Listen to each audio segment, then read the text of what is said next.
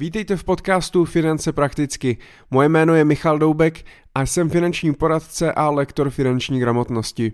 Již přes 10 let pomáhám ostatním pracovat s jejich penězi, učím je finančně plánovat a efektivně dosahovat finančních cílů. Dnešním tématem je nákup družstevního bydlení. Chtěl bych se s vámi podělit o příběh nebo situaci, do které jsme se dostali s jedním klientem, protože uh, už dlouhodobě plánujeme nákup eh, vlastního bydlení, protože s rodinou bydlí v nájmu a eh, bonitu na to mají, to znamená, jsou dostatečně příjmově zajímaví pro banku na to, aby jim půjčila peníze, mají nějaké našetřené peníze a tak se rozhodli koupit vlastní bydlení. Hledali, hledali a e, našli jeden developerský projekt, ten se jim líbil, tak jsme e, se nějakým způsobem na to připravili. Já se vždycky snažím u každé vlastně zakázky, tak se dostatečně připravit, to znamená u úvěru nebo u poskytnutí financování od banky, tak samozřejmě mám připravené veškeré eh, údaje eh, k tomu, abychom rychle mohli eh, vyplnit a požádat o úvěr danou banku. Většinou máme dopředu vybranou nějakou banku na ten konkrétní záměr podle toho, eh, co právě klient chce koupit, eh, kde má účet, eh, jestli je OSVČ anebo zaměstnanec, v jakém oboru a podobně, protože každá banka má trošičku jiné metodiky a je pak dobré mít k sobě třeba skvělého hypotečního specialistu, který zná ten hypoteční trh a ví, jak ty banky k jednotlivým případům se postaví. A tak jsme měli vybranou banku, měli jsme zkontrolované bankovní registry, eh, vzhledem k tomu, že klienti jsou ze Slovenska, tak jsme měli zkontrolované i české, i slovenské. Tady možná řeknu, že eh, pozor na to, většina bank eh, chce vždycky registry ze Slovenska a ty nejdou bohužel, protože banka si je neumí vytáhnout sama, tak jak v České republice, takže většinou je musíte doložit a mám zatím zkušenost, že to nelze online. Eh, ten bankovní a nebankovní registr je v Bratislavě, takže většinou vždycky si klienti musí udělat výlet do Bratislavy a nejlepší je prostě nechat si osobně na počkání eh, ten výpis vystavit a pak ho dovést zpátky do České republiky. Tak na to jenom pozor a myslete na to. A samozřejmě předtím, než vůbec jdete vyřizovat ten úvěr, je dobré mít ty bankovní registry zkontrolované jako prevenci, protože v případě, že banka by vám úvěr zamítla, tak samozřejmě vám nemusí říct ten důvod. Může to být právě kvůli něčemu v registru a kdybyste věděli, co tam je, co tam najdou za údaje, tak eh, se na ně nějak můžete připravit a můžete říct, jestli uh, to odstranit, neodstranit, co to je, může to způsobit problém a podobně. Hold eh, štěstí přeje připraveným. Když se vrátím zpátky, tak měli jsme připravené registry, věděli jsme, že je všechno v pořádku, měli jsme spočítanou uh, bonitu, uh, tady vám dám opět uh, jeden tip, Dneska už neplatí ty doporučené, doporučené limity ze strany České národní banky vůči komerčním bankám, takové ty zkratky DTI, DSTI a podobně, ale spoustu bank pro zjednodušení, protože na to byli zvyklí nějakou dobu v tuto chvíli, tak eh, se to dá i použít. To znamená, pokud chcete si spočítat předběžně, kolik vám banka zhruba půjčí peněz, tak jednoduše vynásobte svůj čistý příjem 12, eh, to znamená, abyste dostali roční příjem a ten roční příjem vynásobte 9. A to je zhruba částka, eh, kterou byste měli na 98% z banky dostat. Některé banky možná půjčí víc, některé naopak míň, pak už je potřeba uh, to řešit to, s tou konkrétní bankou a ideálně s, hypotečním specialistou, který má ten přehled. Takže jsme všechno měli, měli jsme vybranou banku, no a Šli jsme na prohlídku té nemovitosti a na té prohlídce jsme dostali informaci od toho developera, že půjde o družstevní bydlení. To znamená, že ten byt nepůjde do osobního vlastnictví, v podstatě je vytvořené nějaké družstvo, to družstvo vlastní ty bytové jednotky a následně to družstvo vám může samozřejmě, on vám prodává takzvaný spoluvlastnický podíl, v podstatě právo na to užívat eh, tu danou nemovitost. Není přímo vaše, eh, v katastru nenajdete ani sebe jako vlastníka, tam bude to družstvo a družstevní bydlení obecně má svá různá specifika, to si můžeme probrat třeba někdy příště, Nicméně my jsme tuto informaci nevěděli. Problém je v tom, že vy družstevní bydlení nemůžete financovat klasickou hypotékou, protože družstevní bydlení nemůžete dát do zástavy. Vy vždycky u hypotečního úvěru samozřejmě, který správně se jmenuje spotřebitelský úvěr se zástavou, mám pocit, eh, tak eh, vy potřebujete zástavu nemovitosti. A protože si kupujete pouze družstevní podíl a tím nelze ručit, eh, tak je problém. Samozřejmě banky na to myslí eh, a proto je možnost eh, využít takzvané předhypotéky. Eh, některé banky to nazývají třeba jako nezajištěný úvěr a podobně, ale ta předhypotéka, tak jak se tomu ve většině, ve většině případů říká, tak v podstatě znamená to, že banka vám peníze půjčí na nákup té nemovitosti, ale vy se zaručujete, že do určitého období, do určitého data seženete zástavu tak, aby eh, se to mohlo překlopit do klasické uh, hypotéky s, uh, například s anuitním splácením.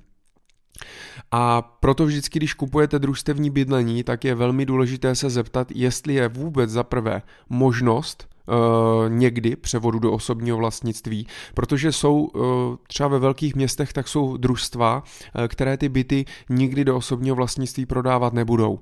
Je dobré se buď zeptat, můžete to najít i ve stanovách toho družstva, které najdete například na obchodním rejstříku nebo když si to vyžádáte u správce, tak ten by vám to měl poslat a říct tady tyto podmínky. Takže když kupujete družstevní bydlení, vždycky se zeptejte, jestli je možnost převodu. A někde třeba potkal jsem se několikrát, že třeba ano, možnost převodu je, ale nejdříve třeba za pět let. Je to třeba z toho důvodu, že to družstvo má úvěr a e, chce ho splatit má tam e, různé podmínky a podobně e, a prostě se tak rozhodlo, že to bude možné až za pět let. To je ale problém, protože před hypotékou je možnost eh, financovat, mám pocit, nejčastěji do období 12 měsíců. To znamená, do roku eh, musíte převést tu nemovitost do osobního vlastnictví, tak abyste eh, s ní pak mohli ručit a překlopí se to do klasické hypotéky. Problém byl ale ten, protože ten developer nám tu informaci neřekl, nikde ji neměl ani na webových stránkách, nikde se o tom nezmínil, i když jsme se o tu nemovitost zajímali již několik měsíců dopředu tak jsme tu informaci neměli. No a vyřizovali jsme to zrovna u banky, která před hypotéky eh, nedělá, to znamená vůbec neposkytuje. Ano, jsou i banky, které právě tuto formu financování neposkytují, proto je dobré si vždycky udělat eh, nějakou reserši předtím, než půjdete hledat svoji nemovitost, abyste věděli pak eh, třeba s kterými bankami eh, to řešit, právě podle toho vašeho individuálního případu. A tak jsme samozřejmě museli najít nějakou jinou banku.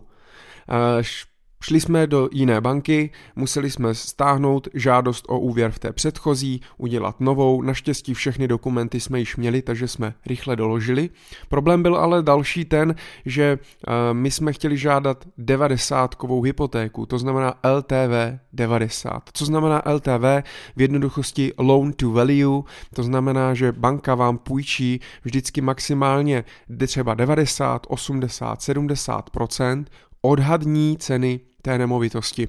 Ta banka odhadne zhruba nějakou tržní cenu té nemovitosti, za kolik by to třeba byla schopna prodat, eh, kdybyste nespláceli, no a z toho vám půjčí 90%. To znamená, to je ta 90ková hypotéka, 90 LTV a podobně.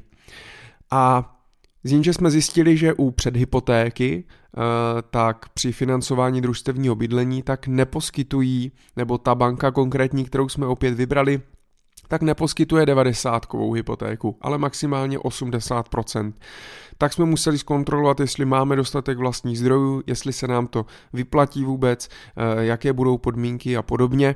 No a nakonec jsme se rozhodli, že půjdeme do 80kové hypotéky, a problém byl v tom, že uh, pak když nám poslali tu konkrétní nabídku, tak samozřejmě ta předhypotéka je výrazně dražší protože pro tu banku je to riziko. Nemá tu zástavu, eh, bude čekat na to, jestli ta zástava bude, nebude, jestli to budete splácet, nebudete a pak to promítne právě do úrokové sazby. Uh, pro úroková sazba je nějaká cena peněz a do toho oni promítají i nějaký, nějakou, nějaký riziko a zvyšují tím marži. No a my jsme se dostali u té předhypotéky, teď se podržte, pokud víte, jaké jsou dneska aktuální sazby, to znamená v průměru okolo 2%, tak ta předhypotéka byla za 5,5%.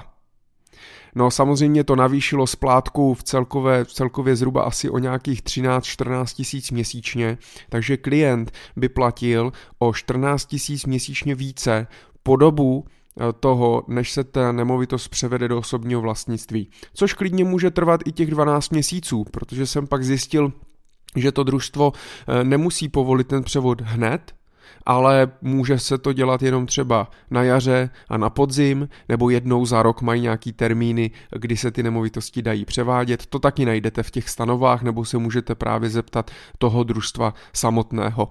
Tady možná ještě odbočím a doporučuji určitě při pořizování vlastního bydlení tak mít u sebe vlastního právníka, a to si myslím, že je úplně nejdůležitější a to je základ všeho, protože eh, vždycky ty protistrany eh, budou ve výhodě v tom, že je tam nějaký realitní makléř, developer, oni mají svého právníka, svého hypotečního specialistu, svého daňového specialistu a podobně a vy, vy jste sami.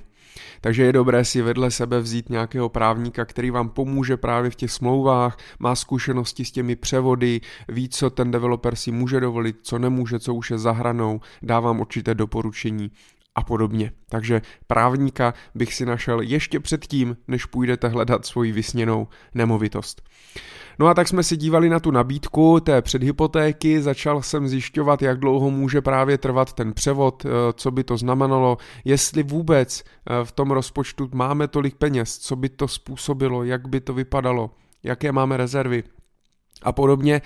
No a eh, nakonec jsme se rozhodli, že je to příliš složité, příliš drahé, že se tam může samozřejmě spoustu věcí ještě pokazit, podělat a trvá to příliš dlouho a vydali bychom se příliš, příliš hodně peněz, tak jsme to vyhodnotili jako velké riziko a rozhodli jsme se do té koupy nejít. A je to docela dobré poučení a pro mě dobrá zkušenost. Tak tím jsem vám chtěl právě jenom se podělit eh, s tímto příběhem, protože družstevní bydlení se nabízejí, často ty družstevní bydlení jsou právě levnější než byty v osobním vlastnictví přesně z těchto důvodů, že nelze eh, tak jednoduše financovat, nelze je dát do zástavy. Samozřejmě já mám třeba kamaráda a kolegu, který kdysi dávno kupoval družstevní byt za naprosto skvělou, skvělou cenu a jeho rodiče byli tak hodní, že mu dali do zástavy rodinný dům. Takže vůbec nemusel řešit eh, převody, zástavy eh, a podobně a měl možnost koupit byt, který byl za skvělou cenu a nikdo ho nechtěl. Takže to družstevní bydlení skýtá určité výhody.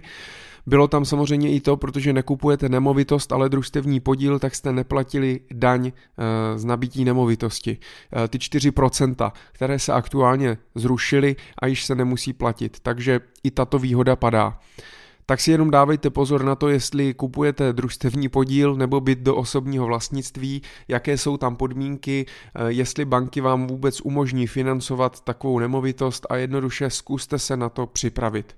Jak už jsem opakoval, štěstí přeje připraveným. Mějte to dopředu, udělejte si akční plán a samozřejmě nemusím asi připomínat mým posluchačům, že všechno by mělo vycházet z vašeho základního finančního plánu, kde máte definované finanční cíle, máte napsané, jaké máte zdroje, jaký máte rozpočet volné cashflow, jaké máte možnosti a podobně tak vám budu držet palce, abyste se nedostali do takové prekární situace, aby pořízení vlastního bydlení pro vás byla hračka a kdybyste samozřejmě potřebovali s něčím poradit nebo pomoci, eh, stačí mi napsat na poradce zavináč michaldoubek.cz nebo se propojíme na sociálních sítích a pokud budu schopen, tak vám sám poradím anebo vás odkážu na nějakého z mých specialistů nebo jiných kolegů, kteří třeba tu tématiku znají mnohem více do hloubky.